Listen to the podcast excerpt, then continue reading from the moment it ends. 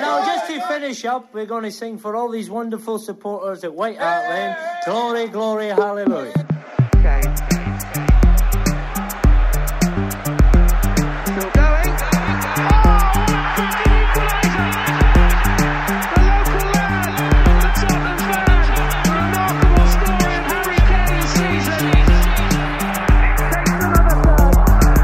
Hi, I'm Nicky King, and you're listening to the Golden Cockerel podcast. Velkommen, kjære Tottenham-venner, til en ny episode av Golden Cockerel.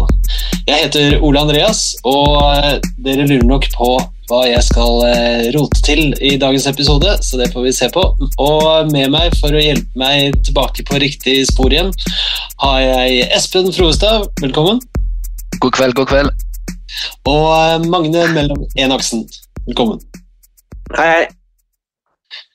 Eh, vi har ikke Dette er vår første innspilling i år, så eh, før vi drar i gang med de juicy spørsmålene vi har fått, eh, så tenkte jeg at vi skulle gå gjennom kjapt de kampene som vi har spilt i jula.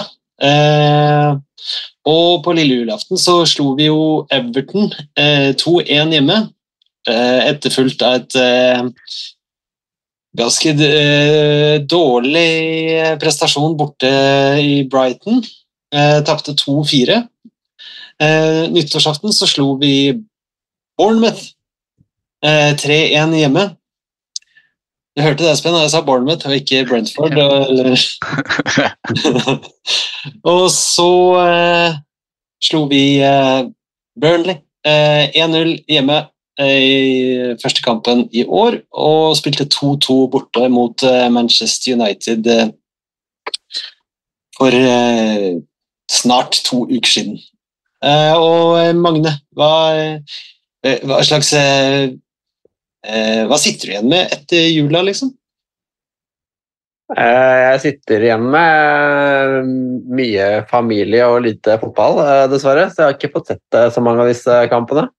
Jeg så um, Jeg så, um, jeg så um, Herregud, eh, Brighton-kampen, så det var jo en blandet affære. Jeg valgte den.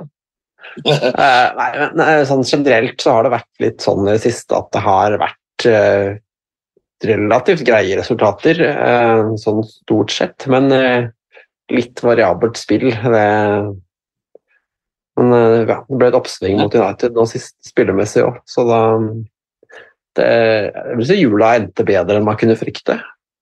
Ja, det er jeg litt enig i. Og eh, Espen, vi tok jo Vi møtte jo de to formlagene og satte en stopper for deres eh, fremmarsj. Både Everton, som eh, vel lå øverst på formtabellen, og, og Bournemouth, eh, som også hadde eh, god form eh, før de møtte oss. Er du Ja. fornøyd med at vi står igjen med hva blir det, eh, ti poeng Nei, sju på de fire siste kampene i Premier League.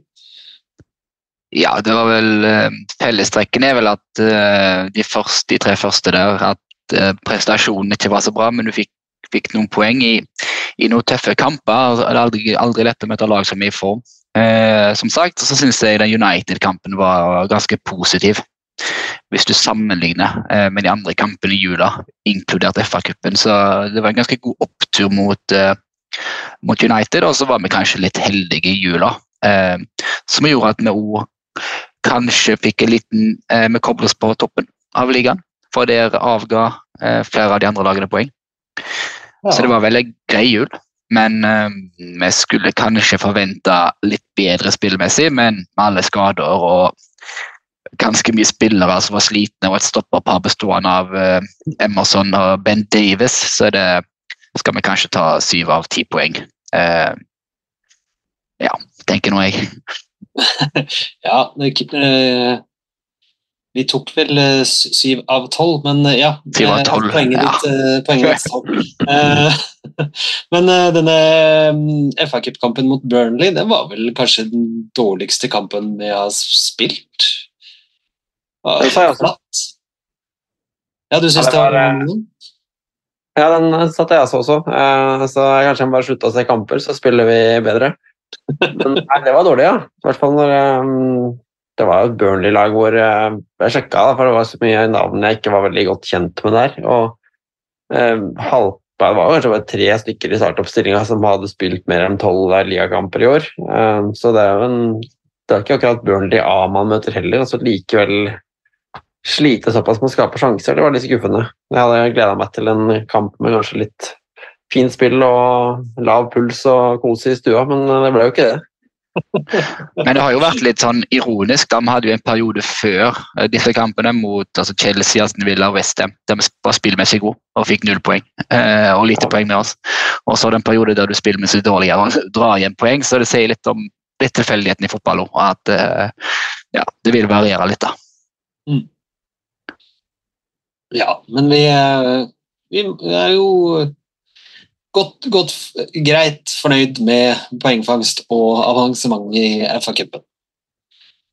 Ja. Vi skal eh, la de resultatene ligge, det begynner å bli en stund siden, og så heller eh, eh, vi går inn på dette med fravær eh, vi har. Vi har jo en del fravær som ikke er skader eh, nå om dagen. Det er jo både Afrikamesterskap og Asiamesterskap, og der vet jeg at du har litt uh, titta litt nøyere på våre gutter, Espen. Ja, og flyten til Tottenham fortsetter jo, så der ender vel både Mali, Senegal og mest sannsynlig Sør-Korea eh, til å gå videre. Så de guttene de forblir borte, de.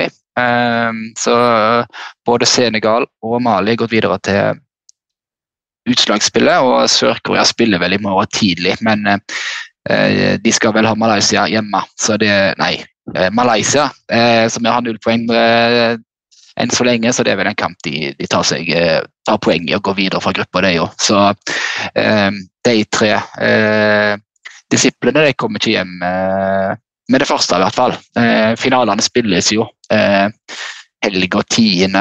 februar, så det er fortsatt et par kamper de kan gå, gå, gå glipp av. Spesielt eh, kanskje hvis du ser på Senegal og Sør-Korea. Ja, og det er ikke nødvendig sånn at de er klare igjen eh, til neste kamp etter en eventuell finale heller. Nei, det er vel fort kampen den eh, 17. februar. eh, de er tilbake. Jeg så at eh, vår venn Bizuma hadde fått eh, malaria, men spilte allikevel kamp bare to dager etterpå. Så eh, da hadde han kanskje ikke malaria, da, eller eh, kanskje det ikke er så ille? Jeg spilte 90 minutter i kveld, så virker å være friske. friske. Ehm, så det kan være godt å få ta han tilbake i, i god form. Hvor mye tid er det sånn har um, tilbrakt på gresset med å holde seg på knær og ankler og sånn? Eller har det gått greit? Han har vel rulla rundt et par ganger, ikke like mye som Saka gjør i, eh, i Premier League, da, men uh, han blir nok tatt ganske hardt. Eh, og så har han vel litt bedre smerteterskel enn eh, eh, ja, kompisen vår litt eh, et annet sted i Nord-London. ja. Nei, nei men eh, flott. Um, hva, hva ønsker vi da, Magne? Ønsker du å ha en, um en Asiamester eh, hjem som bærer laget helt inn til seriegull, eller er du redd for at dette sliter mer eh, på gutta enn enn det vi, kan dra nytte av i form av eh, medgangsbølge? Um, det er et godt spørsmål, egentlig. Ja, sånn er jo, virker som sånn følelsesmenneske, så han er sikkert en type som kan eh, Hvis han skyter Sør-Korea til Asiamesters eh, triumf, så ser jeg for meg at han er typen type som kan flyte videre på det når han eh, kommer tilbake. Men eh, ja, de går vel litt langt uansett, så én kamp til eller fra det er vel ikke der det store forskjellen eh, kommer, tror jeg. Så ja, kan heie litt på han, kan vi ikke det? jeg, jeg klarer ikke å la være, altså. Det må jeg si. Du så jo hvor, hvor ille det så ut for uh, Sarr når han gikk ut med skade. Siste kampen før, uh, før han skal av gårde, og hvor mye det betyr for han. Altså, hvis, eh, nå spiller han for uh, storfavoritt Senegal, så Og det har jo vært rått å se. Jeg har sett litt på Senegal hvordan Sverre er å, eh, inne og dominere den midtbanen. Hvor spiller han? Eh, eh, han spilte faktisk en kamp som sekser. Jeg sendte eh, sentralt på midten som er sekser. Ganske dypt og var ganske lime eh, i den senegalske midtbanen. Så det har vært litt kult å se på. Eh, nå kan jeg kanskje bli arrestert på den flekselen der, men det har vært noen kule klipp fra han da, og hvor sentral han er i, i spillet til Senegal.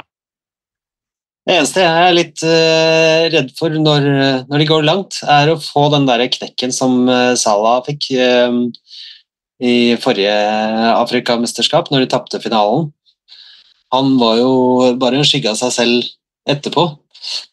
Så um, det har jeg ikke lyst til. Da vil jeg heller at de ryker tidlig. Men uh, ja. Det er vanskelig. Det er vanskelig. Vi Jeg eh, tenker at, tar eh, Ja. Vi kan klare oss vi, vi klarer kanskje å se Jeg ser for meg at det er kjipt at både uh, Sarr og Bizuma er ute er borte lenge. Så hvis én av dem kan komme hjem fort, så liksom går det bra uten den andre. fordi ja, det, de gjør mye av den samme jobben, selv om de ikke spiller helt samme posisjon. Så er de en del av den midtbanen som eh, blir litt tynn når begge er borte, men eh, det hjelper veldig å få tilbake igjen. Veldig godt poeng. Så en av dem kan ta en for laget og ryke ut tidlig, og så kan andre få lov til å gå så langt de vil. Da eh, setter vi strek for eh, internasjonal eh, fotball, og så tar vi en jingle. Hi, this is Graham Roberts, and I'm listening to the Golden Cockerel podcast.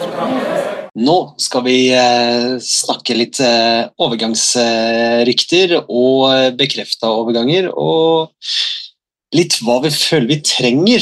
Og Magne, vi har jo signert to spillere veldig tidlig i et eh, overgangsvindu. Da, um, Januar, har, ja. har Levi fått det, eller har eh, Hva har skjedd? Jeg har i hvert fall fått beskjed eh, av Postekoglu om at uh, her trenger vi en midtstopper, og klart å følge opp. Så det, eh, ja, det Beskjeden var ganske tydelig, og det var jo åpenbart også for uh, alle at uh, det var et gapende hull i det forsvaret, både billedlig og bokstavelig. Så eh, det var jo godt at eh, det ble forhåpentligvis tetta. Ja, det var eh, Dragushin, eh, som jeg tror det uttales, ehm, var veldig, veldig ønska av eh, Bayern München også, men valgte, valgte oss, og det er jo, det er litt gøy, da, uten at vi- skal tenke altfor høyt over oss selv, men så jo en eh, video som gikk rundt på, eh, på SoMe, eh, som også Tottenham delte eh, av broren på en kafé i Romania som sto og hadde tårer i øyekroken da han så at Radu entra banen på Old Trafford. Det var rørende. Ja, den var veldig fin, men jeg tenker det er jo kult at de klarer å få inn en stopper tidlig. altså var han kanskje ikke førstevalget, kanskje Todibo var det, men med en gang de så at den ikke var mulig, så beveget de seg fort på, på et andrevalg. Litt som de kanskje gjorde med Vikario i sommer. Så det viser at de har en klar og tydelig plan før de går inn i markedet. da. At det ikke bare er en tilfeldig spiller som kommer rekende på ei fjøl. Ehm, så den, eh, det var jo greit å få det inn, fort. Eh, og Så endte det jo Werner, da, Ole Andreas. Eh, jeg fikk litt sånn bakover seg til Timo, Timo Werner. Eh, Det er jo en meme i seg sjøl, hele personen, men det er kanskje når, du, når du tenker på det, så er det jo en, en, en, en deal som er eh, smart og god for oss. Eh, Ingen Ja. risiko. og Der, der sier du noe viktig som også har, jeg har hørt flere andre snakke om det. At eh, du har Werner-dealen, og så har du Werner-signeringen. Altså, dealen virker veldig god og smart og low risk. Og så har du signeringen Werner, eh, spilleren i seg selv, som eh, litt mer avventende til. Da. Men eh, han, han fikk seg jo en assist på Old Trafford og har flere assist enn Anthony denne sesongen i Premier League. Så, så det er Ja, litt så er det jo, jeg syns han var frisk mot United. Jeg, altså. Du ser at han kanskje mangler litt, mangler litt selvtillit i avslutningene, men han har et, et, godt tempo, han holdt bredden fint, klart å dra av Dalot var det vel et par ganger som spilte høyreback, hvis jeg ikke tar feil. Eh, eller om Dalot var på Ja. venstre. Dalot var på høyre, ja. Så jeg syns han hadde friske start, jeg, og så kom han ut til sjanser. Eh, og så bidrar med erfaringen i ikke altfor erfaren spillergruppe. Eh, Ja, han så har det jo kan vært jo med på mer enn de fleste der. Det var, eh, det var, ja. det var veldig Både han og eh, Postekoglu intervjuer har vært veldig opptatt av å understreke hvor godt han passer til klubben. Så det er tydelig at eh, altså man kan jo si hva man vil for å pynte på en eh, sannhet, men eh, det virker som de virkelig har tro på han. da. Det, og, Han har jo skåra på eh, Tottenham Hotspur Stadium før, han. ja, nei, for to forskjellige lag til og med. Håper- Så kommer det snart til det tredje laget snart. Ja. Jeg håper det blir tredje. Jeg har, sånne, jeg har en sånn chatgruppe på jobben med to kolleger. En er Chelsea-supporter, en er United-supporter. så det Timo Werner er den vi har ledd nest mest av etter José Mourinho. Så får, eh, det er stor fallhøyde for meg, men vi får håpe det, håpe det blir noe å glede seg over også. Men ser du en litt vi, vi tenkte før vinduet eh, Jeg var vel i hvert fall ute og tweeta om det at én, vi trenger stopper. To, vi trenger en kant, helst en dribbelkant. Og så tre, kanskje det kommer en joker, da. Eh, Så er spørsmålet om Werner er den driblekanten eller en mot én-spilleren som vi ønsker inn, men kanskje som et kort alternativ så er det en, er det en god løsning. Og hvis dette tar helt av, så er det vel en utkjøpsklausul på 15 millioner enten pund eller euro. Så det, det er jo en form for en billig signering, da. Eh, Ja, det er dere? Eh, lite økonomisk eh, risiko involvert her. Um, så det, sånn sett er det jo greit. Men hvis han tar plassen fra en Brenn Brennan Johnson eller eh, ja, Brian Hill er kanskje ikke så, så mange som har trua på lenger. Så, så da, da, kan det være greit. Eh, Tror, tror, tror dere han blir god, eller? ja. Werner eller Nusa? Eh, Werner. Å, ja, sånn, ja. Nei, det var bare å poppe opp en USA-melding på mobilen min, så jeg ble litt uh, jeg, jeg har litt tro på det, Timo Werner. jeg, og Mange snakker om den perioden i Chelsea, men tallene er jo ikke så dårlige. Uh, og Han spilte under, eh, under Fat Frank og uh, Ja, gjengen dårlig, der, så han hadde ikke de beste arbeidsforholdene i det Chelsea-laget. da. Uh, så han starta vel veldig bra eh, i Chelsea. Eh, så gikk det litt nedover etter hvert, men det gikk jo med hele laget. Så det er lett å kun skylde på en spiller. Men det er jo et lag som, som, som skal prestere opp eh, og spille hverandre god. Ja, Og Chelsea der har ikke føler jeg- kommet topp fire siden eh, Werner var der. Nei, nettopp det er sant. Og så er kanskje et lag Tottenham et lag kan komme i veldig mye gode posisjoner da, med, med tempoet sitt. eh, Mm. I bakrommet, kanskje. En spiller som kan true bakrom, som vi kanskje mangler litt uten Brenner Johnson. Så det kan jo være litt eh, spennende. da. Mm. Eh, Dragushin, da. Han eh, visste ikke jeg eksisterte før, eh, før eh, romjula her. Det var, eh, men eh, Men det er jo flere vi visste ikke eksisterte spillere i dette laget eh, for et år siden, med både Bikario og litt før med, med Udogi. og Det er jo nye navn som Ja, det er slett så lett å ha kontroll på alt som skjer i serien. Ja. ja. Nei, men jeg, jeg er med på hypen, ja. Altså, det skal jeg innrømme det. Jeg har jo ikke sett han spille. Jeg har sett høydepunktene fra én kamp hvor han uh, mista markeringen på et baklengsmål og hedda inn et mål etterpå. Så, uh, men uh, jeg, liksom, jeg har en slags sånn tillit til at Tottenham klarer å signere bra spillere for tiden. Det er mindre bomsigneringer enn før. Siste halvannet året har det liksom stort sett vært ganske bra. Så ja, han Hva eh, har skjedd med stor, denne klubben? Altså, det, ja, det, man er jo stor og sterk og kjapp og man liksom har fysikken i orden. Og så er det jo pasningsspillet hans som folk driver og stiller eh, spørsmål eh, ved. Men eh, det er lettere å lære seg å spille pasninger enn å lære seg å løpe fort. Så det, er Ja, og, så det, det er jo noe å bygge på der. Og Hvis du ser på de signeringene som er gjort da, de siste 18 månedene, så tenker du hvem av disse trenger å oppgraderes. Så er det svært få. Eh, Det er kanskje på spissplass med Richarlison, men resten er jo Du trenger ikke oppgradere noe bak, du trenger nesten ikke oppgradere noe på midten. Og så er det altså, litt spørsmål framover rundt kanskje Richarlison, men resten har jo vært spillere som har gått inn og styrka laget, som det skal være vanskelig i hvert fall å oppgradere med, med rimelige penger da, og ikke sprenge banken. Ja, det er sant. Nå må vi snakke litt om, eh, om eh, spilleren som eh, gjør at eh, norsk presse går litt bananas. Og eh, jeg går litt bananas sjøl. Kjempegira på å håpe virkelig at vi eh, signerer Antonio Nusa. Han er jo dessverre eh, fan av et annet lag i Nord-London, men det stopper han ikke fra å ønske å komme til oss, hvis skal man tro rapportene.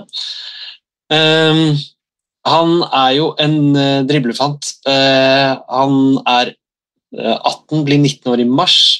Eh, det er så mye her som stemmer. Altså, eh, eh, kjøpe han nå og låne han eh, tilbake eh, resten av sesongen, det eh, tror jeg er noe alle parter er tjent med.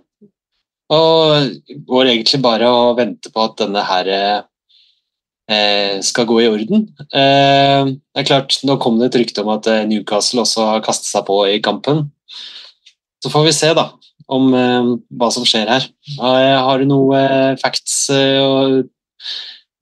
Espen? Nei, jeg fikk bare opp en tweet jeg, om at Ben Jacobs sa at uh, deal is advanced and talk, talks are ongoing. Så det er vel første gang vi har hørt noe på et par dager, for det har vært litt stille. Ja, det har vært stille. Det, det er ofte sånn at uh, det er blitt like nå, og så nå snakkes det, og så plutselig skjer det noe. Så jeg tenker det er positivt. Det viser at ting, ting går fremover. Og vi, vi fikk jo et spørsmål eh, rundt det. Uh, Jone Torkelsen spør hvis vi kjøper Nusa, har vi tre gode alternativer på venstrekant. Uh, hvordan vil de håndtere dette? Og, men det, det svarer du litt på. da, uh, Ole Andreas, at dette blir et lån tilbake til sommeren i hvert fall.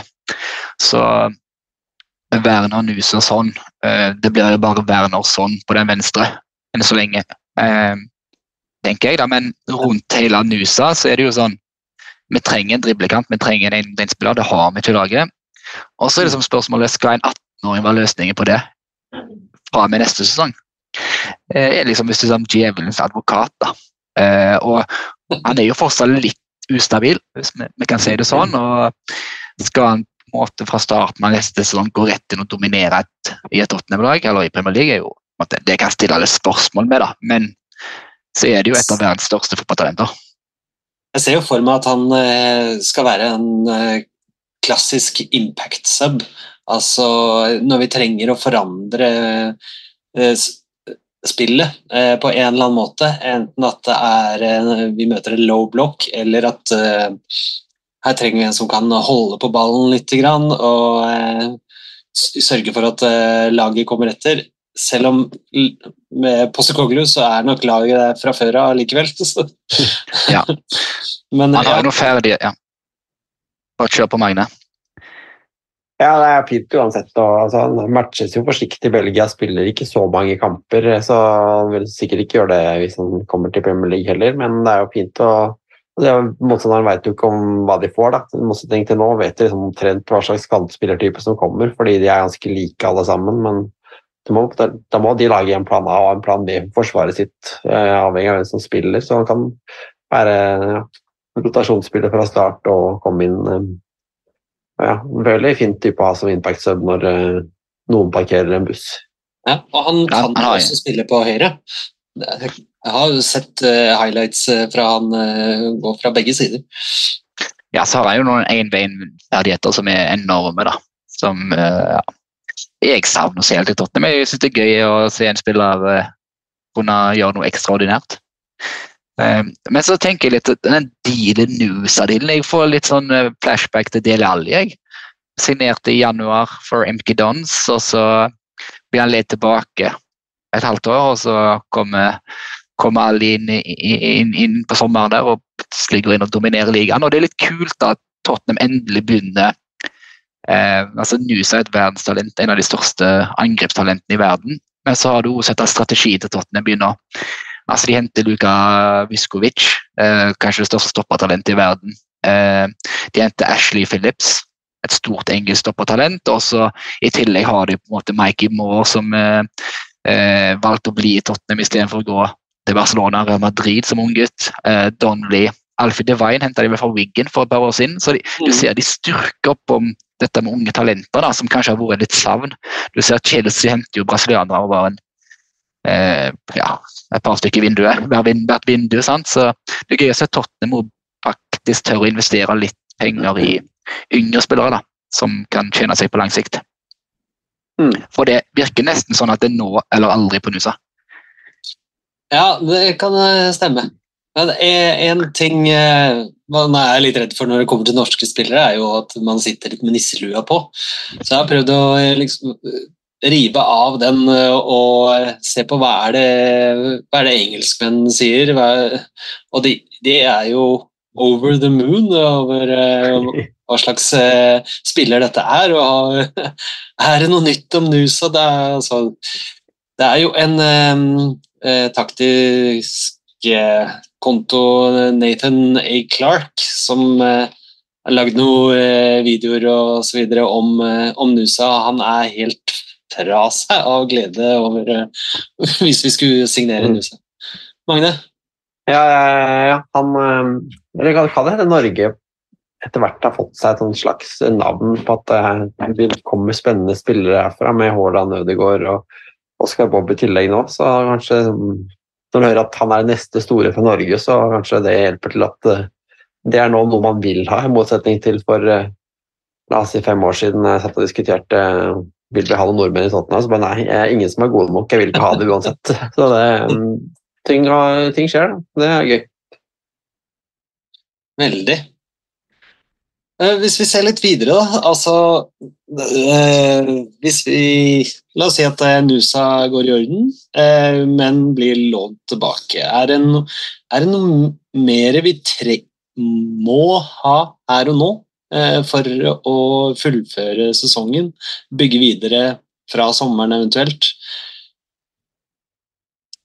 For meg handler det Nei, det tror ikke jeg heller. eh, Hvis Magne sier det. Det avhenger litt av salg. Eh, Hvis det åpner seg en Ja. mulighet for at Høibjerg går, så må det en, eh, en midtbanespiller inn. Da tenker jeg rundt altså Conor Gallagher, da, som har vært litt snakk om. Men jeg tror ikke det er nødvendig for å fullføre denne sesongen med stil at du trenger å få noe inn i januar. Det er vanskelig vindu å håndtere. altså Kjøpe Nei, det er jo kjempelett. Vi har allerede signert to og er på vei til en tredje. Ja, nå, fikk, nå fikk den ene ikke spille i Tyskland, så jeg tenker eh, umiddelbart uh, er ikke det så viktig. Kanskje en ung gutt uansett, eh, som vi kan få et talent og så låne ut igjen. Tenker mer det Spent på om det blir sånn nå som det sånn, Fordi man har signert spillere tidlig i vinduet, så blir folk sure hvis det ikke kommer noen seint. Mens vanligvis så blir folk sure fordi alle kommer seint. Folk blir sure uansett. Ja, det er, det er lose-lose situation. Ja, men jeg er enig med Espen i at det trenger egentlig ingen hvis du ikke selger noen. Men eh, det er ikke alle du trenger erstattis hvis man selger dem heller. Men uh, Høibjerg, som er en sånn fyr man tenker at han burde vært solgt for lenge siden, så ser hvor mye han spiller. da. Så jeg tenker at alle spillerminuttene han skal overtas av en eller annen, da bør det være en god en. Jeg synes vi kan jo eh, være enige om at eh, Høibjerg er profesjonell. Han, eh, han gir alltid alt. Alt han kan. Selv om man kanskje kunne ønske at han kunne litt mer av og til.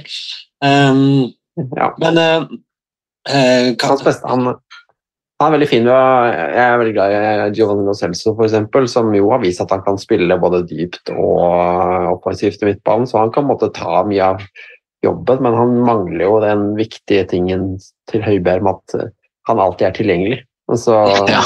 Lo Celso er jo skada ca. halvparten av tida, mens eh, Høibjerg han trenger en innbytter, så er han der alltid. Det, mm, det er en eh, sånn samme som Ben Davies-effekten, bortsett fra akkurat nå når han er skada. Du, du har en reserve som alltid stiller opp når du spør ham om det. Ja. Um, er jo angående- utrolig med Lo Celso, da. Han er jo han er ute hele tida. Det er alltid én ting. Ja, men allikevel så tør jeg påstå at han har eh, vært eh, like tilgjengelig Nei, nå skal jeg passe meg litt. Nei, jeg tror ikke jeg tør å si det likevel. Han har ikke vært blant de mest skada spillerne våre i år, det har du. Men du kan jo, se- du kan jo se da, hvis du, hvis du omformulerer det spørsmålet litt, eh, Ole Andreas, for vi fikk jo et spørsmål også, eh, jeg tror det var på Facebook, jeg. Eh, hvilken posisjon posisjoner bør spørs forsterke de neste to vinduene. Eh, og Da ser jeg litt lenger fram i tid. Og, og det er litt sånn interessant, fordi laget har jo noen hull, eller en form for hull, da. Jeg har en ganske klar en der. Ehm, på, eh, på høyrebekken. Eh, Jeg syns ikke Emerson eh, Royal er er så god som vi trenger. Han er, en, han er den brasilianske Ben Davies. Han gjør det helt greit i både stopper og backposisjon. Men jeg mener også at eh, drop-offen fra Porro eh, er for, eh, for heftig. Ja, jeg hadde- Spence har jeg mista troen på. Han hadde jeg veldig trua på. Det må jeg bare innrømme at jeg tok feil angående Jed Spence. Men ja, Det gjorde jeg òg. også. Jeg hadde notert det samme, men det, jeg skrev det avhengig litt av salg i notatene mine at mulig backup på begge bekkene er en, en ting de kanskje bør se på i sommer. Eh, hvis jeg personlig så tenker liksom eh, Det avhenger litt av hvor de bruker spillere. Eh, det snakkes jo veldig om en åtter i Tottenham, som, som vi mangler, om det kan nok Gallagher eh, vært nevnt, annet. Men det avhenger litt hvor du ønsker å bruke Kulisevskij. Ønsker han å være et alternativ på midten? Ønsker du å bruke Bentankur i åtter eller i sekser? Og alt det der, så eh, jeg kunne faktisk ja, bare åttere, jeg. Eh, men det, Nei, men det er det jo er sånn. fullt åtte allerede. Ja. Jeg da, men, uh, Og hvis det er det, da trenger du kanskje etter en seksårig, altså en litt mer seksårig isteden. Eh, det er litt Mm. sånn hvor du ønsker det, for det snakkes så mye om eh, Conor Gallagher, blant annet. da. Så, eller da kan kanskje se på en høyre kant, for Du, eksempel. eh, du eh, så jo dette her på at eh, David Ornstein hadde vært på Transfer Talk og uh, snakka om at uh, Conor Gallagher eh, er fortsatt eh, en mulighet dette vinduet. Hva, og Ja. da lurer jeg litt på Det er litt på siden av det vi prater om, men altså, hva tenker dere om å ta en, en kaptein fra Chelsea eh, og da samtidig hjelpe Chelsea med, med penger? Jeg syns det hadde vært helt uh, konge. Jeg. Hente en Chelsea akademispiller som er kaptein, som de er nødt til, å selge. Hadde jo vært litt gøy. Det er liksom sånn det motsatte av hvordan ting var før, nesten. Um, Men hva tenker du, Magne? Eh, Vi, vi redder jo på mange måter eh, Sirkus eh, Bowley. ja, med kommer det ikke noen og redder det uansett, da? Eh, Saudi-Arabia eller De ordner seg sikkert på et eller annet vis. De kan dette med triksing, så da kan heller eh, vi utnytte det. Eh, Det er selvfølgelig en dyr sum for å utnytte det for en spiller som ikke nødvendigvis forsterker elveren, men han er engelsk og er yngre og bedre enn Skip Høibjerg, så det er på en måte en slags god stallbygging og peke lang nese til naboen i samme slengen, så tar den, altså. Er han yngre enn Skip? Nei, det er han kanskje ikke. Ja, det Yngre enn snittalderen til Ske Høibjerg og ja. Um, men ja. Kanskje en spiss, da. Hvis du, eller vil du eh, gi den lite til Richarlison sånn? Ole Andreas? Uh, og um, Alejo Velis. En skade der, da. Stemmer det. Men ja, uansett. Sant? Så det er kanskje de offensive rekkene du ser for deg de neste signeringene. Altså en form for off offensiv rolle, da. Bakover begynner det så greit ut. Ja, og um, jeg, eh, jeg er egentlig veldig fornøyd med utviklinga til Richarlison. Um, jeg føler ikke at det er der eh, skoen trykker mest. Men eh, ja, det er klart um, Nei, um, jeg klarer ikke helt å bestemme meg for om eh, vi trenger en spiss eller ikke. Men igjen, det avhenger jo litt av salg. sant? Vi vet jo at det er interesse rundt Emerson, Richarlison, en del av de spillerne. da. Sant? Så det kan jo åpne for, eh, for muligheter. eh, Helt klart. Vi, vi kan jo snakke litt mer om spillere ut eh, i den sammenheng, for vi har jo faktisk l- lånt ut et par. Eh, ja, Magne? Jeg, bare, sier Charlison, jeg er livredd for å selge ham, for det er sånn spiss er så vanskelig. Jeg kan kjøpe en av verdens dyreste spisser, og så blir det tull likevel. Liksom. Så du kan slå klubb, klubbrekorden din på overgangssum, og du må bomme fullstendig. Så altså, man bør kanskje ha en bedre spiss enn Charlison, for han brenner jo mye feite sjanser. Men eh, ja, du kan selge han for, selger han for 30 mill., da, så kjøper du en ny på 60, og så kan det hende han er dårligere. Så det er Aldri i er verden om vi kan selge han for 30. Eh, da må vi over det vi fikk for han, nei, ikke betalte for han, men, men ja. eh, ja. altså jeg, jeg vil ikke selge han. Jeg, jeg, tør, jeg tør ikke, rett og slett. For heller, da må det være en på plass først som viser seg å være bedre. Eh, jeg kan, ja. Og så er det en liten annen ting da, før vi kanskje går på spillere ut, Ole Andreas. Eh, eh, Hongmin Son er 32 år i sommer. Eh, tiden etter Son kommer veldig snart. Eh, så det må jo ligge en plan om den planen er Nusa, da, eventuelt. Men for å at han, han- Du merker jo i tider nå før jul hvor sliten han var, eh, og bidraget gikk ned, da. Eh, og jeg antar det vil falle videre, da. Selv om han er jo en klassespiller. eh, kanskje den beste avslutteren i verden så blir han jo litt mer eh, begrensa. Så det må jo ligge Kanskje det skjer noe i sommer rundt en arvtaker for sånn på en eller annen måte. I lengre tid. Var jeg negativ nå? Kanskje litt negativ nå, men eh, Kvaratskhelia er ikke sånn kjempefornøyd i Napoli om dagen. nå, nå begynner du å drømme. ja, nei, jeg bare må, måtte slenge ut noe. Men eh, Ole, vi, vi fikk et egentlig godt spørsmål rundt det med overganger Ja. eh, inn. Eh, og, og det gikk eh, Jeg tror det var eneste Erik Møller som tok kontakt. og Han skrev ser det skrives i flere medier at Tottenham har større kjøpekraft pga. FFP. Kan vi forklare hva som er grunnen til at Tottenham står så bra stilt? Og Det er jo et sentralt poeng både nå i januar, men også i de kommende sommervinduene, da, som styrer litt investeringen og mulighetene. Noen tanker, Magne? Eh, ja. Um, nå Daniel Levy har jo flere år vært veldig opptatt av og liksom forklart at det er viktig at klubben er, har en balansert økonomi pga. Um, Financial Fair Play som kommer til å bli strengere. Altså, nå, har det begynt å bli strengere. Klubbene har begynt å bli straffa for å bruke mer penger enn de eh, har lov til ut fra eh, regnskapene sine. Det er vel sånn at du kan ha 105 millioner pund i totalt underskudd over tre år, som er regelen nå. Og det er det Everton eksempel har rykket på en smell på, og kanskje rykker på en smell til når neste år også skal regnes med. Mens, Ja, det er eh, riktig.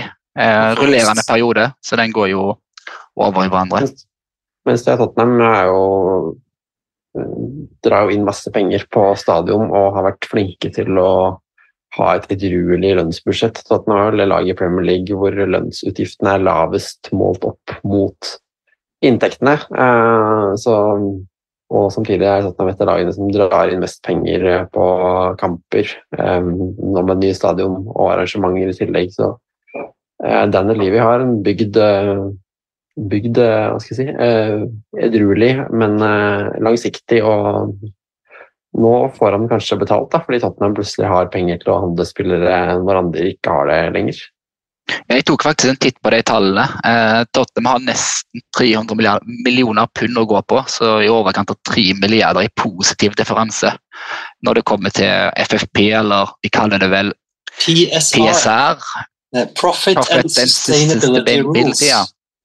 Eh, Så Tottenham ligger jo en kjempepositivt der, sammen med neste klubbene er det er jo Liverpool, som eh, også driver kanskje litt sånn som Tottenham, ikke med de største lønningene, ganske edruelig. Og så har du City, som også har en positiv differanse, men de har vel 150 ESR-anklager på seg. Eh, Så de sliter litt mer. Og så ser du motsatt av Arsenal, Chelsea. De får ikke kjøpt spillere nå fordi de har brukt for mye penger. Og de er veldig redd for å bryte disse, disse reglene. Da. Eh, et godt eksempel er jo at Arsenal har lånt Raja eh, denne sesongen med en opsjon på kjøp. Det er Eh, obligatorisk kjøp. Ja, obligatorisk opsjon, så de vil ikke ha råd til å kjøpe den før, eh, basert på disse reglene, neste vindu. da. Eh, og Hvis du ser litt på Tottenham, så vil du tenke at de har store utgifter med tanke på stadion, men den teller ikke inn i dette systemet. Eh, Så det er jo positivt som en utgift, men inntekten vil telle. Så du har en stadion da, plutselig som er åpent mer enn 25 dager i året. Men nå åpner vel gokart eh, om ei uke, så er det, er det noen som har kjøpt seg eh, billetter til ja, og, eh, og så må vi jo dra på både Lady Gaga og Beyoncé og eh, det som eh, det som kommer. sant? Ja. Så De setter jo en ny standard for hvordan de skal tjene penger. og du ser jo Real Madrid følger jo etter nå. Den er, den er vel ferdig på Bernabeu, og Barcelona holder på med det samme. Eh, Og så leste jeg litt om det. Hvis det, kommer et NFL-lag til London, så kommer det til Tottenham Hotspur Stadium. Det kommer, og det kommer til at Jacksonville Jaguars kommer til å flytte. Eh, de spiller jo allerede fast i London hvert år, de da. Eh, og det gjør eh, Khan, som jeg gjør, som var vel er eller var i Fulham. Ja. Det tipper jeg en, en gang kommer. da. Eh, men det er jo det at Tottenham har eh, De ligger så ekstremt godt an med tanke på PSR eller FFP. eh, At de til og med ikke trenger å selge stadionrettighetene ennå. Så det ligger litt i noe av grunnen til at de avventer den, da. For det er jo en ny inntekt. Ja, Oa? Ja, for det er, det jo også det at når Beyoncé eh, spiller konsert på Tottenham Hotspur Stadium, så er, det- gir det ringvirkninger eh, og publisitet eh, som er verdt mer enn om det skulle hete eh, ja, eh, Nike Stadium. Ja. Dette var vi vel litt inne på i forrige pod også. Men jeg håper du fikk svar på spørsmålet ditt, Erik Møller. Eh, Tottenham ligger i hvert fall veldig godt an, når de har en positiv differanse. Ja, vi har fått et godt spørsmål om eh, spillere ut også.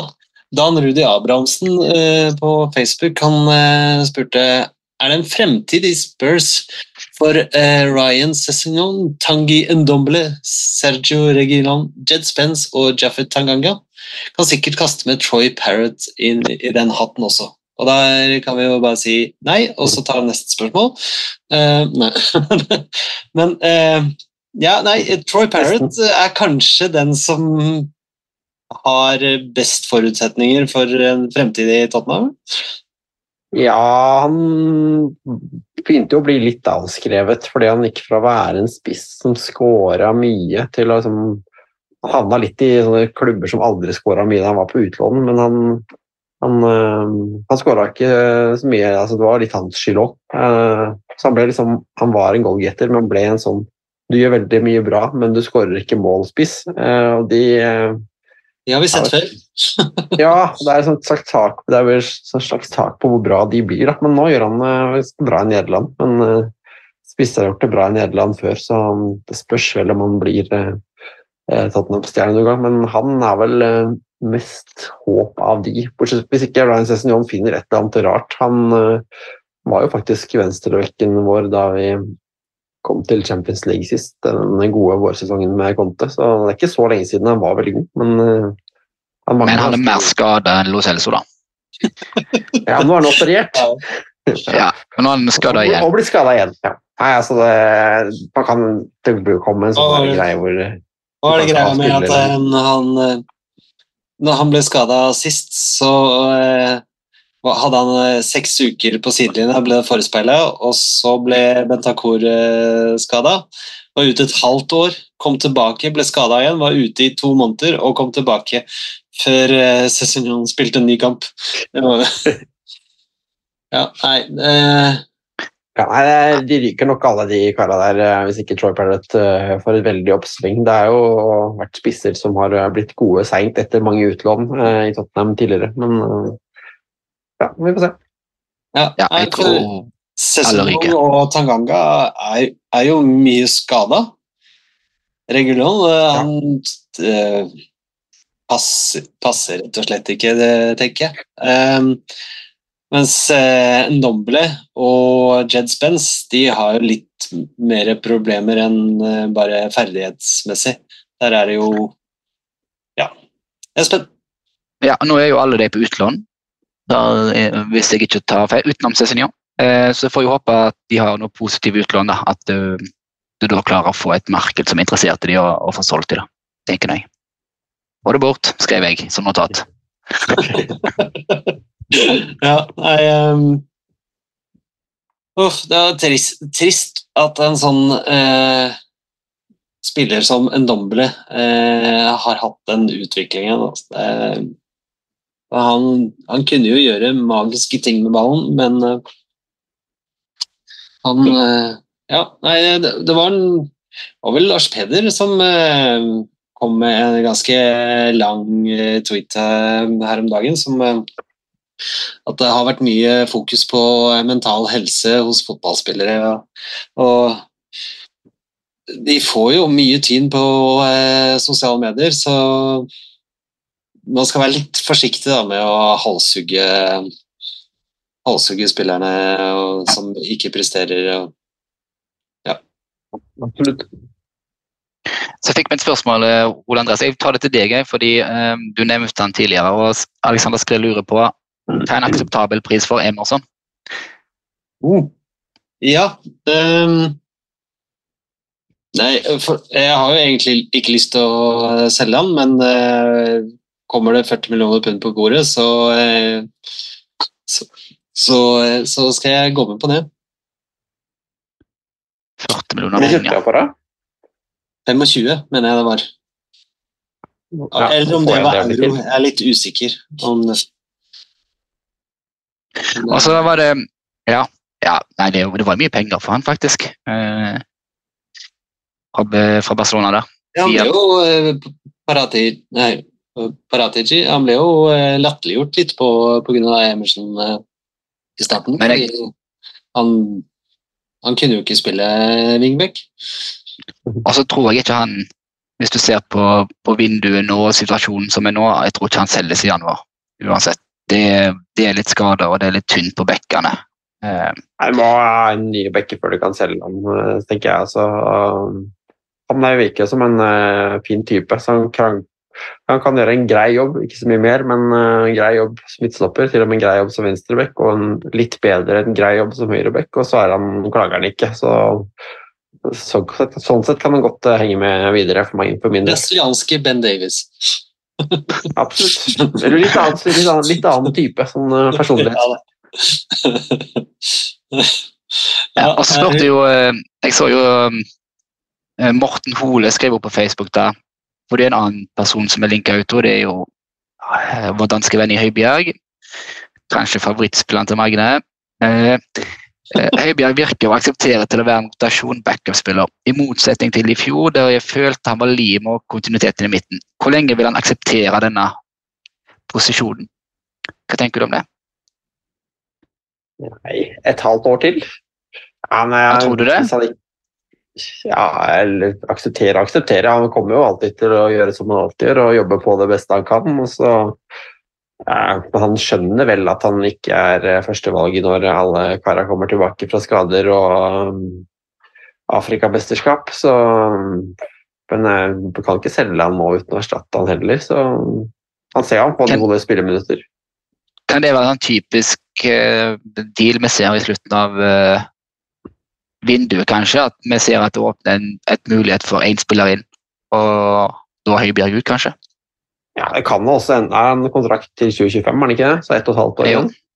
Ja, det er jo en type, altså sånn der, man kan holde igjen overgangen til absolutt slutten av vinduet for å få brukt han mest mulig til eh, kanskje Bizuma ut av Afrikamesterskapet og hjemme igjen. Um, så, eller ja, så hvem vet. Det kan jo godt hende han slippes på slutten selv om han ikke har en erstatter. At, det, at man kjører en gambling der. Ja, folk kommer jo tilbake fra skade og fra mesterskap, så det er jo Det er jo en mulighet. Jeg vet jo at eh, Lo Celso spilte en dype i PSG. Eh, Bentancour kan fint spille den dype. Eh, Ja ja, jeg er litt sånn eh, Vi må ikke slippe han. Eh, så lenge han ikke streiker. eh, og det kommer han Det tror jeg ikke han til å gjør. gjøre. Nei. Så, Nei, er eh, han får mye ufortjent tyn på Twitter. Ja. Hvis du snakker om eh, mental helse og spillere som blir behandla dårlig. Så jeg kanskje ja, Høibjerg ganske høyt på den lista der. Absolutt. Um, apropos overganger og sånt, så har vi fått spørsmål både fra eh, Jan uh, Rydningen og Anders Holmefjord. Hvordan uh, skal vi klare homegrown-kvota? Eh, virker det ikke som eh, vi har så mange engelske her, Magne? Eh, ja, eh, det er mulig jeg undervurderer den eh, behovet for det litt. For det, det er ikke noe kvote man skal klare. Men altså, du, kan jo, du får jo stille med de spillerne du altså, du, Så lenge du har 17, er det, Premier League er det vel man kan ha maks 17 som ikke er homegrown. Så du kan jo i teorien bare ha ingen engelske spillere og 17 utlendinger å kjøre på.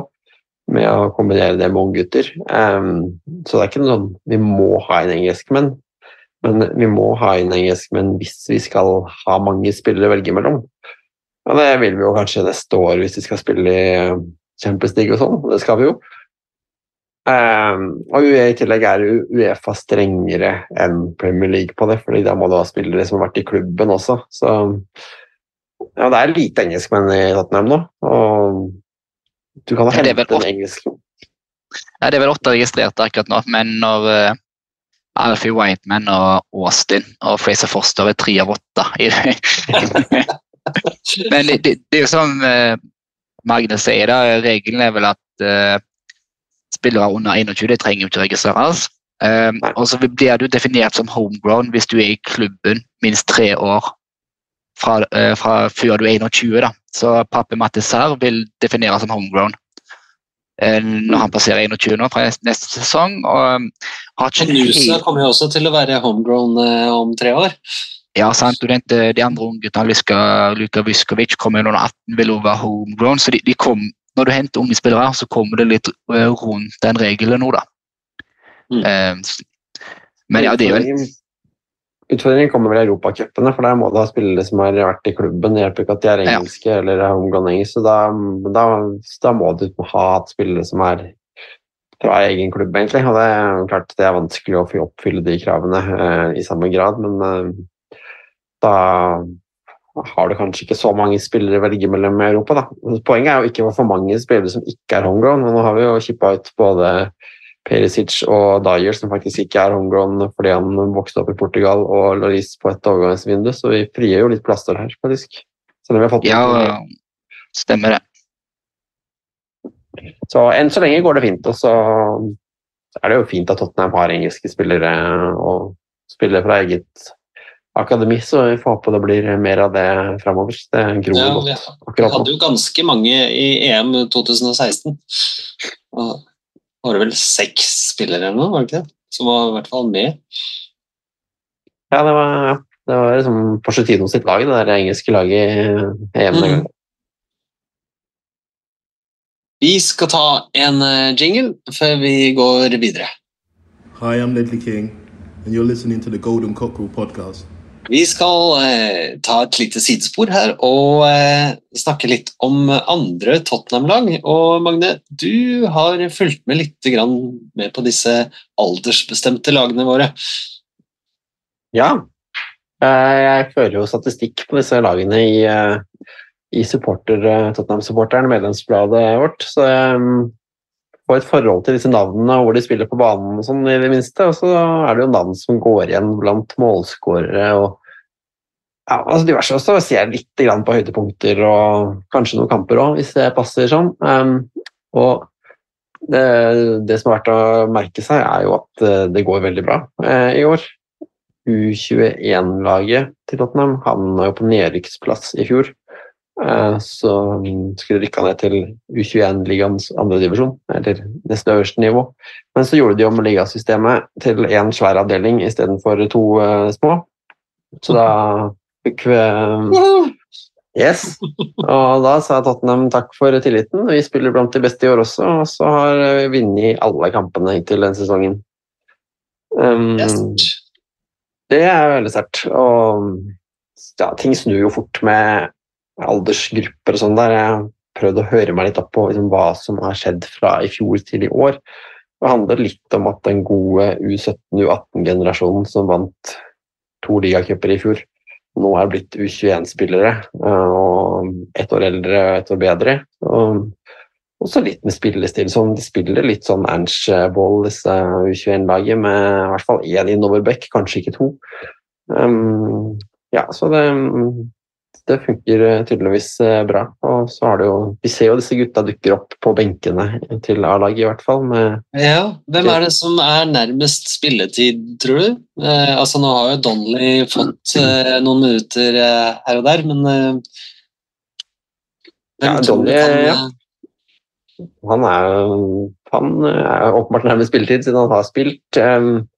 Så har du Santiago, Jago Santiago, som venstre kant, spansk. Um, han eh, var nesten avskrevet eh, i sommer, og så har han tatt kjempesteg i høst og har vært eh, blant lagets beste. Generelt er U21-laget veldig bra framover på banen. De har liksom en kvartett foran der med Santiago, Donnelly, Soonsop, Bell og Lancashire, som alle rader opp målpoeng i, med mål og assist, eh, alle fire. Så det er veldig mye bra offensivt. Og det er kanskje litt derfor eh, vi ikke har sett så mye av det på A-laget, når det har vært store hull i forsvaret. For det er jo sånn som Alfie Dorrington på benken, han er 18, og det er, det er lite for en midtstopper, da. Eh, Så har vi Ashley Phillips. De to har liksom vært på benken sammen. Og så da Har de venstrebekk? vært- Nei, eh, det har vært litt Den posisjonen har vært eh, litt ymse. Det er visst en som heter King, som spiller venstreback. Mason King. Han, eh, det høres klinger jo bra, eh, men det har vært litt bytting sånn fram og tilbake på venstreback-posisjonen. Tør ikke jeg si om det er fordi de er dårlige, eller men det er liksom de offensive spillerne som har utmerka seg. og så De to stopperne er gode, men han ene er teknisk, men litt ikke så sterk, og han andre er sterk, men ikke så teknisk. Så da mm, kanskje ingen av dem gode nok til å ta steget opp i A-lagselveren eh, med en gang. Så skal jeg stille litt Windy Coys moment, men så er jo Alfie Devine på utlån. Spiller i, i championship, og så spiller vel Josh Keeley, som var keeperen, på utlånt nå. Så det viser jo at i den generasjonen, eller i det, det laget, da, så er det faktisk spillere som blir lånt ut og spiller fast i ligasystemet. Ja, det, hørte jeg også på en podkast her, at eh, Tottenham har begynt å eller utlån til lavere divisjoner, så har de begynt å si at vi dekker lønna til spilleren hvis han får spille. Mens eh, hvis han ikke får spille, så må dere betale litt av det selv. Så da har jeg liksom ekstra motivasjon til å gi Tottenham-gutta spilletid. Det var en fiffig, eh, fiffig måte å låne ut spillere på. Ja, um, eh, men det funker tydeligvis, da. Og så et annet ting som er ganske morsomt, er at det er veldig mye engelsk. Det er, Tottenham har eh, Da de møtte City i første seriekamp i U21-ligaen, så hadde City masse brasilianere, og sånn som vi påpekte tidligere her, at Chelsea henter et par unge brasilianere i år og sånn. Mens Tottenham hadde nesten bare engelskmenn. Eh, Så det, de satte inn eh, fokuset der på å hente mye spillere fra ikke bare Nord-London, men sånn litt nord for Nord-London, det er Tottenham-land med omegn, og få de spillerne inn i ung alder. Og så satte litt engelsk. Og, og så har de hevet lønningene på det var- Den er jo sentral, da.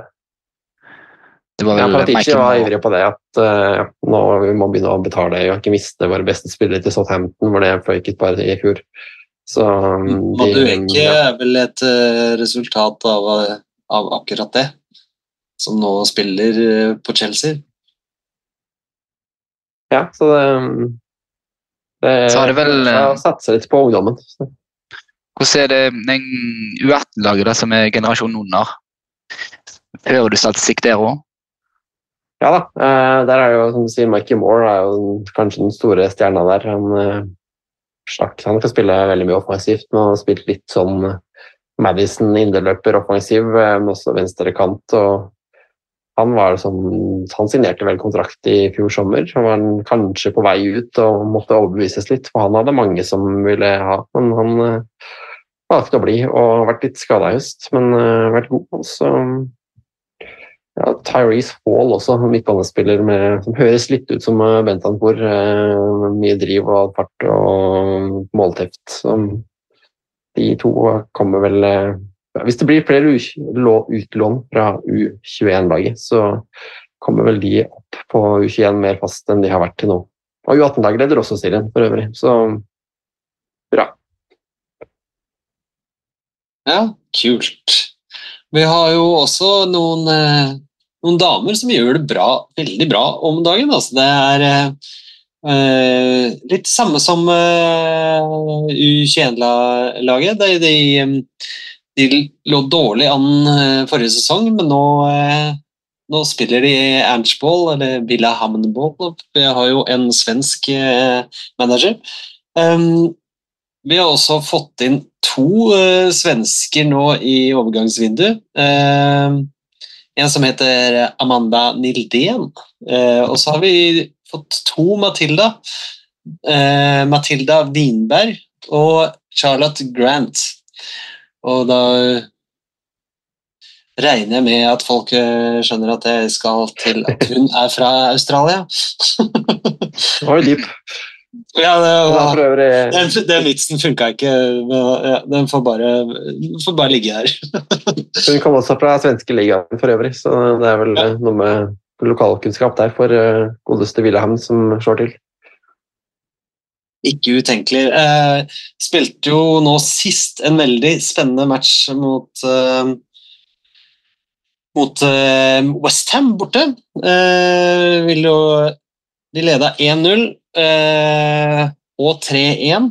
Eh, og så var det 3-3 ganske seint i matchen, men så eh, kom eh, Nas og eh, skåra 4-3-målet helt på slutten.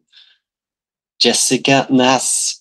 Eh, nå har vi jo eh, også en eh, nordmann på, på laget. Celine eh, Bisset Ildusøy. Hun gjør det sterkt denne sesongen. Hun er mye involvert, og hun, hun er gøy å se på. Så dere som har eh, eh, Spurs Play, må bare følge med der, for der kommer det da, eh, kamper med, med damelaget. Ja, og så er det jo, Hvis du ser litt på tabellen, da, siden det, du sier de har gjort det bra uten å nevne hvor de ligger, eh, så ser du at den superleague-tabellen, Women Super League som det kalles eh, så er det tre lag i Tottenham med Chelsea, City og Arsenal. Og så kommer det tre lag med United, Liverpool og Tottenham som er likt på 18 poeng. De er litt i en sånn ingenmannsland, fordi det er, hverken, det er langt ned og langt opp. Eh, men de har jo tatt store steg da, denne sesongen. Eh, og det er jo kult å se at eh, lese litt om bisetten. Uh, she's a baller, så hun gjør det visstnok veldig bra. Og Virker som hun har fått litt fornya tillit og får ut potensialet sitt nå da, eh, med det i en ganske offensiv fotball.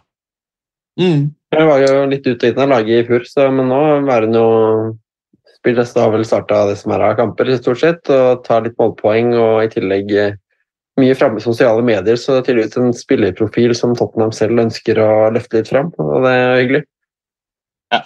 Hun er kul eh, både på og utenfor banen. Og så har hun en herlig sånn eh, Norwenglish-lyd i, i språket sitt. det er gøy. Um, Så ser vi hun får større konkurranse om plassen. og Hun ene, Mathilda Winberg, er jo i hvert fall offensiv midtbanespiller og kom inn for eh, Celine i siste kampen. Så håper, får ikke håpe blir danka ut av laget av en svenske. Men så fikk de jo Ja, eh, de gikk jo videre i FA-cupen, eh, som sagt. Eh, og skal det kanskje bli et trofé der, for da møtes jo både Arsenal og City møtes jo, de to topplagene. De to beste lagene, kanskje.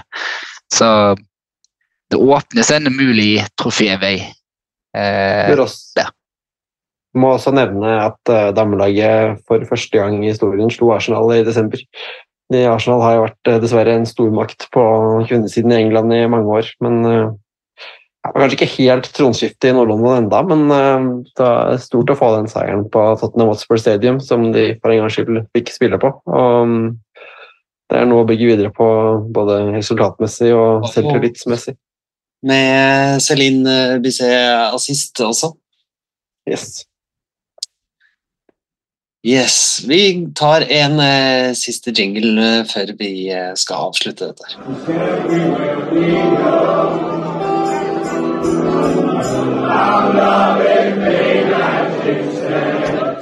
Nå skal vi ta et spørsmål fra Anders Rydningen.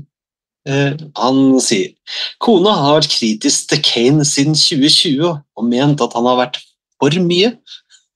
Har hun rett? Er universet Tottenham blitt bedre som lag uten stjerna? Espen? Ja, nå ser vi jo at Bayern vinner jo ikke ligaen, så han har jo ikke gjort Bayern noe bedre. Så ja, jeg tenker svaret ligger, ligger vel fort der. Nei da, det er Du solgte kanskje verdens beste spiss. Uh, så å si at vi er blitt så veldig mye bedre Men det er nok et poeng i det er at mye skulle gjennom Kane. Eh, og, og han som er individualist, og vi så veldig mye til Kane, da, og nå har du kanskje sett mer et lag, hvis en skal se litt, litt på den biten. Altså, Sånn sa vel det i et intervju. Han sa når Kane forsvant, så må han steppe up. Han er lederen. Han er den store nå. Og det samme sa han når han reiser til Asia Cup nå. Nå forsvinner jeg noen kamper, og da må de andre steppe up. Så det er litt som at uh, du får kanskje den ja, Nå skal vi faen vise at uh, vi kan spille god fotball uten uh, Harry Kane, da. Og det Harry Kane Team som Pep Guardiola prøvde å referere til, og så kom jo bare sånn I took that this personally. eh, og senka uh, City på egen hånd. Så det, det ligger nok noe i, måte, i det, men jeg tror kanskje man hadde hatt et par poeng ekstra med Kane i laget. Her nå. Ja, hva tror du, Magne? Ja, det, det er jo fristende å sånn se en god del av de innleggene og situasjonene som har dukka opp i feltet i løpet av sesongen. og har tenkt at Hvis Kane hadde vært der eh, i stedet for Charlison eller noen andre, eller hvis Kane hadde vært på banen, så hadde han antagelig vært der, ikke der de andre gutta var. Eh, så det hadde nok blitt flere skåringer eh, med Kane, det tror jeg også. Men, men eh, han er ikke Charlison jobber jo mye bedre enn Kane liksom, som første forsvarer og første pressledd, så du hadde nok mista noe med Kane også. Eh, men eh, jeg tror nok laget hadde vært litt bedre med han. Men eh, eller laget er bedre uten han. Det kan godt hende at eh, resultatene hadde vært litt bedre med han. Ja, det, det får vi neppe noe svar på, men eh, jeg er ikke uenig med dere. Vi har jo Jeg syns vi har håndter, laget håndtert det bra. da. Du mister verdensstjerna. Og så sier de ja, nå går det, ja, Noen hadde nesten Tottenham utenfor topp ti sant? Når de, når de tippa det. Nå kommer det direkte. Men det var som vi snakket om, andre kom til step up. Ja, men det, det gjelder jo for så vidt ikke bare Kane denne sesongen. Vi har jo hatt eh, mye skadefravær, så andre har jo måttet steppe opp hele, hele veien, egentlig. Og, og klart det mm, med, med relativt bra suksess. Eh, og, og da eh, kan vi komme inn på sterkeste elver eh, som vi har fått eh, spørsmål om fra, fra ganske mange. Hva er den sterkeste elveren vår? Og mm, Magne, har du lyst til å eh, si din, din exi? Ja, Eller skal vi begynne eh, bakfra? Så går vi gjennom sammen. Ja, er vi enige om de bakre fem, eller? Ja, det, ja, det tror jeg. Ja. Ja, det- Det er nok eh, midtbanen som eh, kan eh, by på diskusjon. Du kan jo ta dine bakfra fem, da. Som vi, Jeg vil ha Vikaro i mål. Porro og Hæ? På bekkene der. Ja, tro det eller ei. Han er ganske god, selv om ingen hadde hørt om han. Eh, og så er det Romero og Van Det er, Dragusin er sikkert god, men ikke så god enda. veldig solid da, og ungt. Eldst er vel Romero på 25. Ja, Det er ganske ganske oppsiktsvekkende, egentlig. Um, ja, midtbanen. Jeg kan eh, fortsette jeg, siden jeg prater. Eh, Jeg, Madison må spille. Han var kjempegod eh, da han var frisk, og vil forhåpentligvis eh, fortsette å være det nå som han eh, tilsynelatende er frisk igjen. Og Bentancour må spille. Han, eh, han eh, var vår nest beste i fjorårssesongen eh, og ser ut som han er tilbake til omtrent sitt gamle jeg allerede etter et par kamper, så han må med. Eh, Usikkerhetsmomentet for min del er om Bentancour skal spille sekser og Sar åtter, eller om Bentancour skal spille åtter og Bizuma sekser. Eh, Det er litt vanskelig, men jeg ender nok på Bizuma dypt og Bentancour foran. Jeg har faktisk samme. Kanskje litt, kon- det er kanskje litt kontroversielt hvis du ser på den siste perioden til, til Bizuma. Eh, men Bentancur i åtte, og den, han var så god der mot United.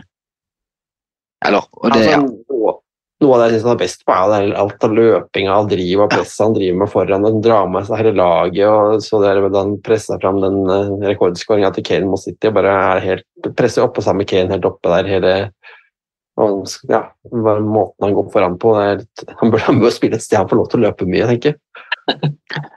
men den der en Sarbi Zuma, det er 59, nei, 51-49 for meg, altså. Det, den er jevn. Ja. Er du uenig, Ole Andreas? Jeg ser du jeg er, eh. Jeg er vel kanskje mer 55-45 Sar Sarr over Bizuma. Men da vil du Eh, ha Bentankur i en sekser på midten. Ja, da vil jeg ha Bendakur i sekseren. Rett og slett. Det gir en del alternativer da, og muligheter. sånn kalenderkampbilder.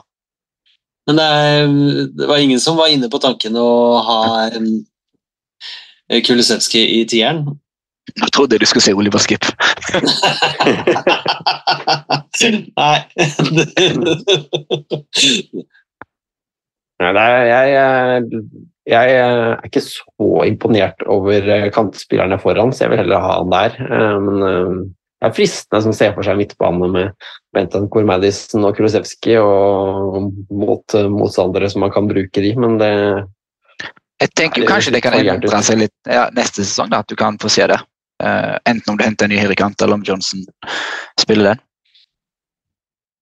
Ja, Ja. det ja, som. Jeg, ja, for å ta foran, da, siden jeg sa at Kulisevskij ville skal spille der, så ville jeg ha han sammen med Richarlison og sånn eh, utgangspunktet med Richarlison som midtspiser sånn på kanten, men det, jeg syns det funka bra i høst da de bytta litt på. Så um, å ha de to på banen samtidig, det, det går jeg for. Og så får heller Werner være impact sub eller noe sånt. Ja. ja det, er, det er vanskelig å være uenig med den eh, fronttrioen der. Um, Nei, jeg er enig i den. Men du er begynner jo å få noen luksusproblemer nesten, da. Det er litt gøy. Det er lenge siden. Det hadde vært eh, deilig med luksusproblemer istedenfor skadeproblemer. Så får du en del alternativer da inn, sant. Du kan sette en Werner, sette en Sarr eventuelt, du kan sette en Lo Celso som jeg Det begynner plutselig å se bedre ut enn hva det gjorde. Mhm. Men det at um, Bentancourt og Madison ikke har spilt sammen, det er eh, det er noe jeg gleder meg til da, når det skjer. Det, det kan jo skje nå på fredag. Det hadde vært vakkert å se. Eller, ja. Det Det- er sånn, eh, Man skulle tro på, men eh, kanskje vi får se det. Ja. Hvilket lag setter dere opp på fredag mot City i FA-cupen? Det ble vel den bakre femmeren. Går dere full pupp, eh, eller sparer spillere til serien? Full pupp. Ja, når er neste seriekamp? da? Det er ikke noe Onsdag. Vi går full pupp. Ja, fredag nei, onsdag. det, det, det får man tåle, altså. Det, det, ja, det, så det er ikke så mange turneringer i år, så vi får satse på de vi er med i. Spørsmålet er hvordan de, hvordan de løser det. Um, mm, om, det om Kulisevskij skal inn i midtballen, eller om det blir Skip slash Høibjerg. Altså, jeg regner med Madison kanskje eh, Hvis Madison og Bentnaker da, er to av midtbanen, så er jo fortsatt Sarr og Bissoma borte. Så hvis, skal jo en ny- hvis uh, hvis uh, Skip spiller, så tror jeg han spiller i uh, åtteren. Litt samme som han starta mot United. Jo, men vil du ikke ha en tror du ikke Jeg vil jo tro, hvis du spiller Kulusevski på midtbanen i lag med Bentankur og Mads, er det bedre offensivt, men du vil få Brennan Johnson inn som kan være trua bakrommet Ja. mot, mot et City-lag som vi har hatt veldig god suksess med å true bakrom på. Da kan du ha det på begge sider med han og Werner.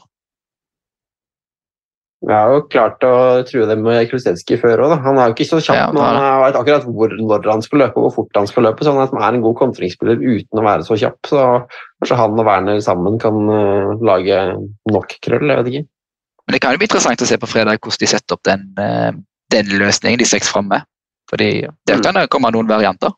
Og, og så er det jo uh, Ange har jo faktisk muligheten til å variere litt her, ikke bare kaste inn på en eh, Brian Hill eh, for å prøve noe nytt. eh, ja.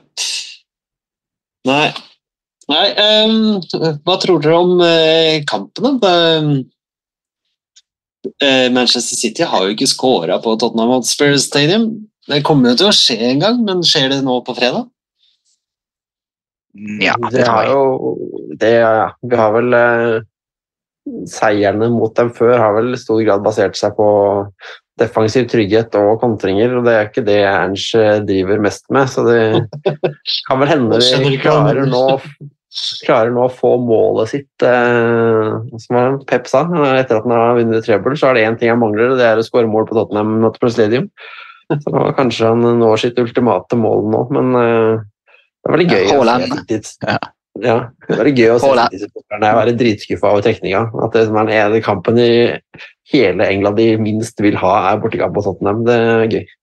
Ja, Og det jeg er tror gøy. Haaland nevnte det samme, også, at eh, ja, målet for sesongen er å skåre på borte mot Tottenham.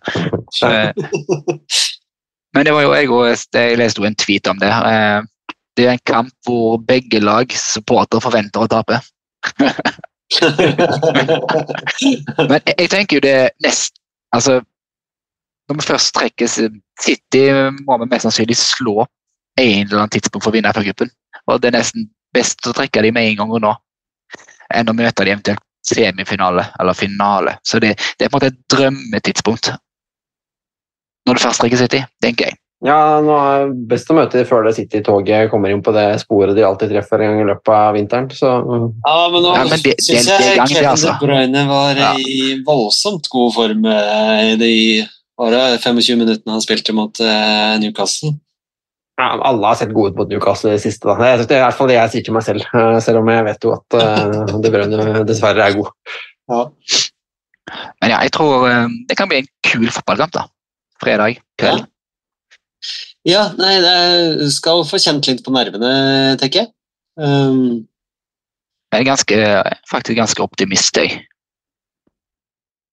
ja, Ja, det er- har vært mye denne sesongen, merker jeg, og det det er veldig gøy. Um, Men det med alt, du får masse spillere tilbake fra skade, denne glød. Uh, du har to uker pause nå. Mm. Ja, jeg tror, og jeg tror vi har spiller, ja, vi har noen spillere som kan, kan true det i laget. ja, da skal jeg utfordre dere litt på et eh, resultattips, da. På, uh, Magne, du først. Det er fristende å tippe 2-1, som er det vanligste resultatet, men vi får vi gå på 3-2 isteden. Det blir litt mer kaos enn 2-1. Men eh, 3-2 hjemmeseier, ja. Jeg tenkte 4-2, jeg. Det er deilig. Nei, um, the curse is real. Vi, vi vinner 2-0. Ja, det er bra. Men eh, jeg har jo funnet fram en liten quiz eh, til dere. Eh, Oi, Fram med I forbindelse med denne kampen. ja, så eh, Det er selvjustis på googling og sånne ting. Men eh, vi har jo en av de eh, kjipeste FA Cup-opplevelsene jeg har sett på TV, var jo Tottenham City eh, i 2004. Vi leda 3-0 til eh, pause. Og hadde én mann mer. Full kontroll, eh, men tapte 3-4. Eh, da kan dere alternere med å si målskårere først for Tottenham. Espen, jeg vet at du, du bare var barn, ja, men eh, Jeg vet jo hvem som fikk rødt kort, da. Ja, jeg òg. Galdingen som eh, fyrer løs på Twitter for tida. ja, det stemmer. Joey, Joey Barton fikk i hvert fall det røde. Ja, han fikk to gule på tre minutter. Men skåra Robbie Keane i den kampen? Han skåra, ja. Det er helt riktig. Ja, for dette er et av mine første mareritt med Tottenham, skjønner du. Eh, for denne kampen så jeg. Men jeg husker med Keane skåra vel. Keane skåra. Har du en Ja, en skåring for Tottenham? eh? Ja, det var jo fristende å tippe Keane, da, men eh, jeg tipper da er det jo enda mer fristende nå å tippe Defoe eh, for en sånn eh, Defoe, sånn, eh, eh, spilte ikke. Nei. Da skåra ikke han, da. Skåra Kristian Sige? Ikke, ikke, ikke tipp han, eh, Magne. Skåra Kristian Sige? Han skåra 3-0-målet. Fy faen. Vi har en uh, legende som skåra er- allerede i det andre minutt. Hmm. Spilte midtbane i denne kampen, Det var David Pleat som eh, var manager. Så da Han hadde rekorden for raskeste mål. i- Lady King, da. Lady Lady King. Så nå gjorde du og jeg håna alderen min, og så setter jeg to av tre målskårere. Ja, det er imponerende. Ja, det, Ehm, setter du de på, eh, på eh, City også, eller Espen? Mm, nei, jeg visste du kom til å komme med et spørsmål, men jeg tenkte det var spillere med, man spilte i City og Tottenham. Ja. Men den kommer ikke denne gangen. Nei, på det City-laget det, det var et ganske random fotballag. ja, det var jo en islending i mål. Spilte han one shop der, da? Nei. Nei. Sant. Ja. Men um Nei, jeg kan jo ta lagoppstillingen til eh, Tottenham. Det var eh, Casey Keller i mål. Og så var det Sige, Garner, Richards og Carr i bakre rekker. Og så var det Davis, Brown, King og Stefan Dalmat på, på midtbanen. Og helt på topp så var det Robbie Keane og Helder på Stiga. Ja, Ja, på Stiga-sesongen, ja. Ja, ja. Og så har vi jo eh, Det er jo mange, mange sånne der eh, navn du kjenner igjen på City også. De hadde Arnie Gauter Arnason i kassa. Eh, Sun Jihai, uh, Richard Dunn, Sylvain Distin, Michael Ternat, Sean Wright Phillips, Joe Barton og Paul Bosfeldt. Trevor Sinclair, Nicolas Anelka og Robbie Fowler som starta. mm. Og så var det jo denne mannen som skåra ett mål for City, vil jeg tro. Det er i hvert fall det eneste han er kjent for. John Macken, som skåra i det 90. minutt. Han skåra visst masse for Preston North End, men ikke så mye for eh, Manchester City. Dette er Men, eh, eh, langt ute i obskurland. Ellers er det bare sånn at man har prøvd å fortrenge det og klart det. ja, For du hadde jo, altså. du hadde jo den United, Tottenham United 3-5. ja, et par år før. nå, ja. Altså, du hadde jo et par sånne stygge 3-0 til pause kamper mot lag fra United, nei, Manchester i Mm. den perioden. Ja, jeg syns faktisk den, eh, det tapet mot United var verre, av en eller annen grunn. Uh, Der fikk jeg heldigvis ikke vite resultatet for kampen var over.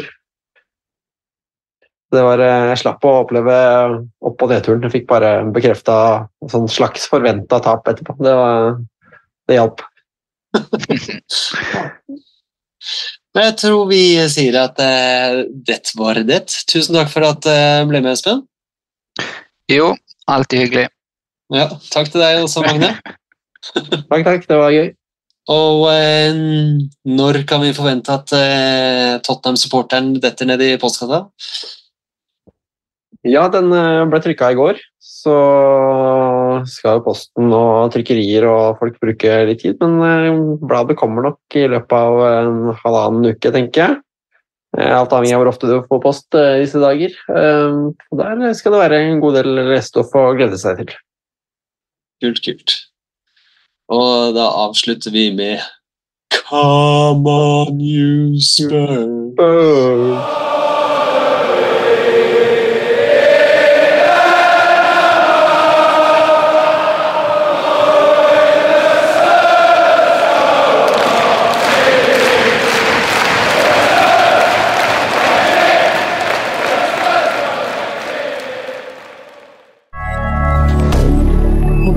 rien.